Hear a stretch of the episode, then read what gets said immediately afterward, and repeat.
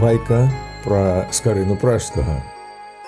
Пасеяў слова, сад заклаў, стагоддзямі не знішчаны, жыццёвай глебай параднаў духоўнае аперышча. Прывітаннечка ўнука.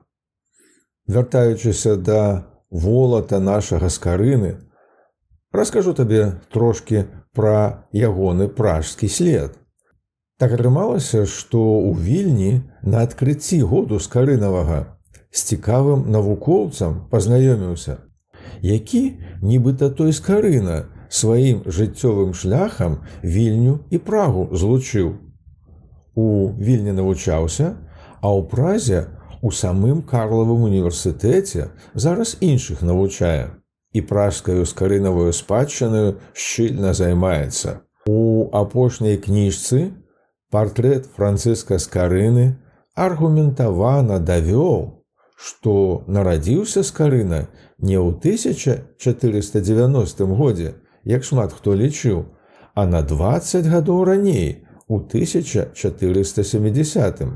Вось і дапаў я да суразмоўца цікавага, каб пра пражскую скарынаву спадчыну болей дазнацца. Шырока вядома, што менавіта ў празе Францыск скарына надрукаваў псалтыр, а ўслед за ім у 1519 годзе 22 кнігі старога запавету бібліі, не болей не меней адну з самых пашыраных кніг заходняй Еўропы. А потым на запрашэнне караля Фердынанда I Габсбурга лекарам ягоным і садоўнікам батанічнага саду працаваў Дапамогшы гэты самы сад запачаткаваць у пражскім каралеўскім замку градчаны. То слухай.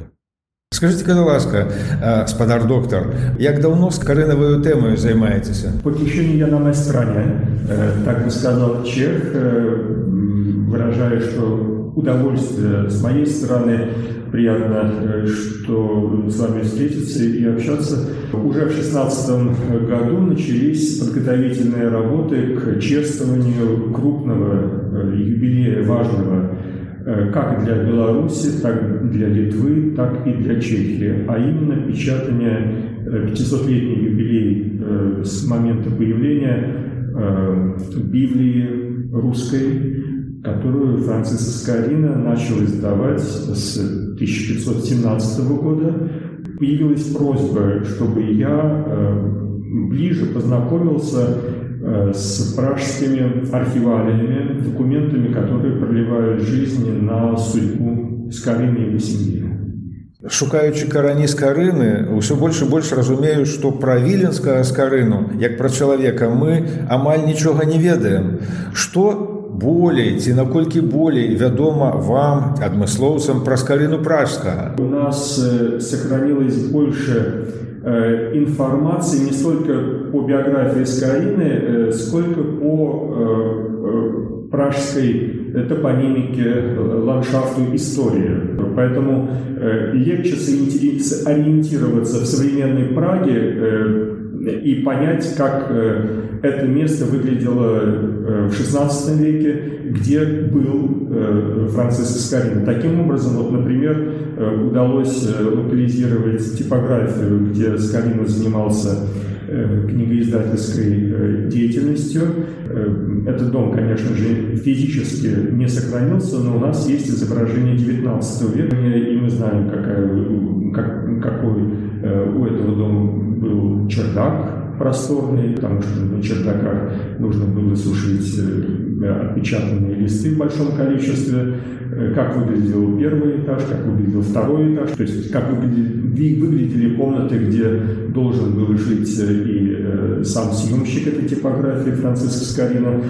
По вашей версии, шановный доктор, Франциск Скарина з'явился ў празе пасля Вены ў 1515 трошки пазней годзе.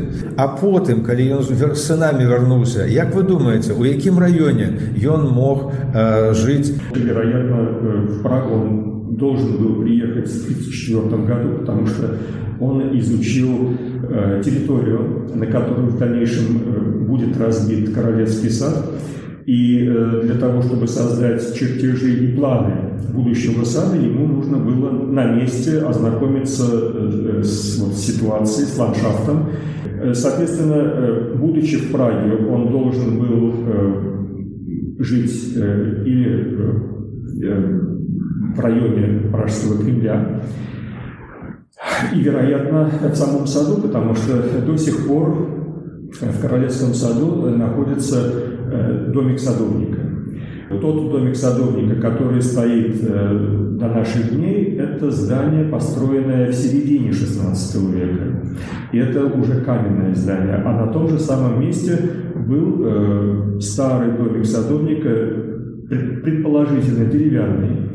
И так было, потому что библиотекарь жил в библиотеке, садовник жил э, на месте своей работы, э, он жил э, в королевском саде, и мы, мы знаем, где это было место. Скажите, калі ласка, можа вядома, колькі словаў з кім сябраваў альбо з кім сварыўся, знаходзіцеся ў празе шаноўны Франциск? Полагаю, что Франциск Скорина лично знал и общался со всеми выдающимися э, людьми того времени, потому что э, и его собственная э, функция, и его собственное положение к этому предрасполагали. Мы должны учитывать, что в Праге того времени было много знахарей, много лечителей народных, много, много костоправов, много людей, которые могли выдернуть зуб, но дипломированных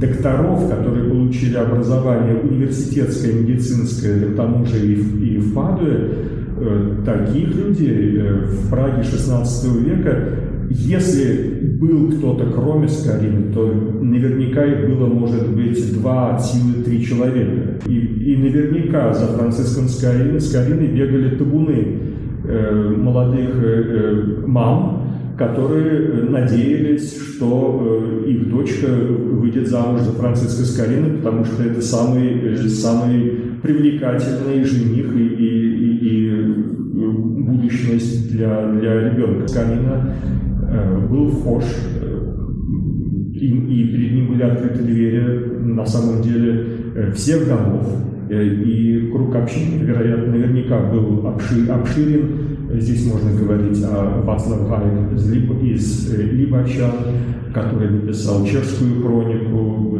который, с которым наверняка были знакомы и так далее, и так далее. Э, Ян Спухова, у которого в дальнейшем работал сын, э, старший сын Франтишек Скорина-младший, в конфессиональном отношении Прага была разобщенной, потому что были траквисты, были католики.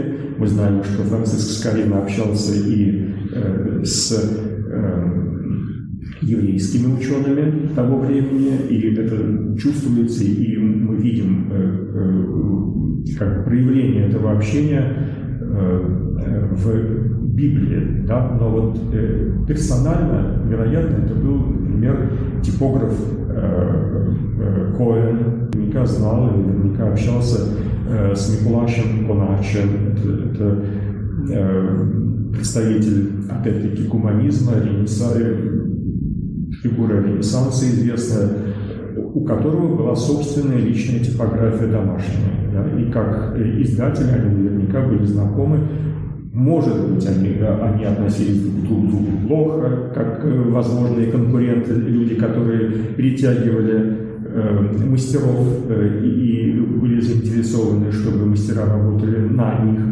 Вярнуўшыся да доміка садоўніка у каралеўскім садзе, калі можна некалькі слоў пра ўнёсак з карыны ў стварэнне гэтага сада. Франциск Скорина создал проект. Фердинанд был молодым королем, поэтому Э, принимал активное участие в деле планирования этого сада. Сохранились э, данные о том, что, например, э, Фердинанд предписывал, какой куст виноградной лозы нужно оставить, потому что сад разбивали на территории бывших виноградников. Э, король э, был э, в своей, своего рода соавтором этого проекта, но, конечно же, проект создал специалист Франциск Скорина, и у него были компетенции, Падуанский университет интересен и замечателен тем, что студенты медицины там изучали и примитивные, простые растения, которые, которыми потом пользовались в медицинской практике, изготовляли лекарства и так далее. Поэтому род занятия доктора медицины и ботаника, они именно переплетались в Падуанском университете. И э, Франциско Скорину не нужно представлять как человека, который бегает по огороду с лопатой. Да, э, он не занимался черной работой. В частности, кстати, нужно отметить, что часто э, Скорина предстает в образе э, человека с грязными руками, чуть ли не, за, не стоящим за прессом и э, тянущим эту ручку на себя. Нет, э, это э, функция печатника. Франциск Скорина был книгоиздателем. Соответственно, он краску не наносил, э, такими работами не занимался. Это было бы, э, э, это бы не соответствовало ему, его социальному уровню. И, будучи королевским садовником, э, это был автор концепции, автор плана, который получал финансирование королевское, и на эти деньги он нанимал рабочих. У сваім апошнім даследаванні вы грунтоўна э, пераканалі, што Францыск Канрына нарадзіўся не ў 1490, а ў 1470 годзе. Як вы самі да гэтай думкі прызвычаіліся, што ўсе гэтыя жыццёвыя этапы скалена праходзіў на 20 гадоў старэйшым і навучанне ў бакалаўрыяце і абарона дактаранта і потым э, шлюб у во возрасте более за 50. На самом деле, э, когда мы э, говорим и э, изучаем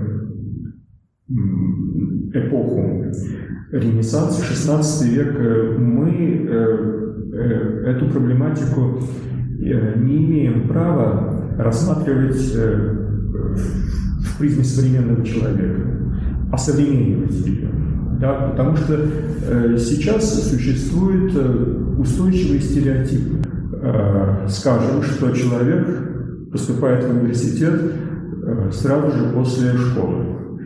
Э, не было в 16 веке никакого возрастного ценза для обучения в университете. У нас, кстати, нет и статистики по э, возрастам студентов. Никакой, потому что, поступая в университет, они не указывали возраст. Если вы возьмете какие-нибудь, скажем, миниатюры, которые изображают э, с аудитории университетской, то там вы увидите много бородатых дядек э, э, уже зрелого возраста. Поэтому люди в университеты поступали и будучи 30-летними и 40-летними э, людьми, получив финансовое какое-то благополучие определенное, Год э, рождения Франциска Скорины э, – это тоже не мое какое-то открытие и не то, что я говорю, а на самом деле это то, что нам сообщает источник.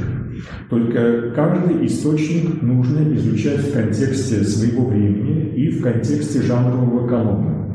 Перед нами э, ренессансный портрет, который принадлежит традиции Северного Возрождения. Эти портреты создавались по определенному канону, и на этих портретах э, был стандартный и обязательный набор текстов. И когда э, вот что привело меня к этой мысли, э, это элементарно, потому что когда вы приезжаете в какой угодно чешский, чешский замок, вы там видите полотна 16-17 картины или на досках,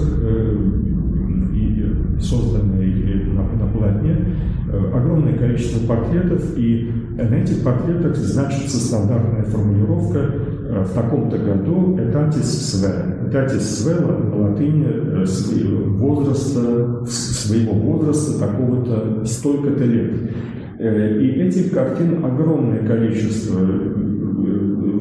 Они, их, они измеряются не десятками, их даже не сотни, их тысячи. И когда мы воспринимаем произведение, напечатанное в 1517 и год спустя 18 году в Праге, именно в призме и в контексте жанра, а именно только так мы можем изучать э, памятники древности не с перспективы современного человека, не э, с точки зрения того, что нам нравится и что мы понимаем или чего не понимаем, а когда мы вот рассматриваем это в контексте своей эпохи, своего времени, э, жанра, то э, само произведение нам сообщает многое, только вот современный человек должен знать эти правила и уметь читать, читать эти памятники, тогда они нам многое сообщат.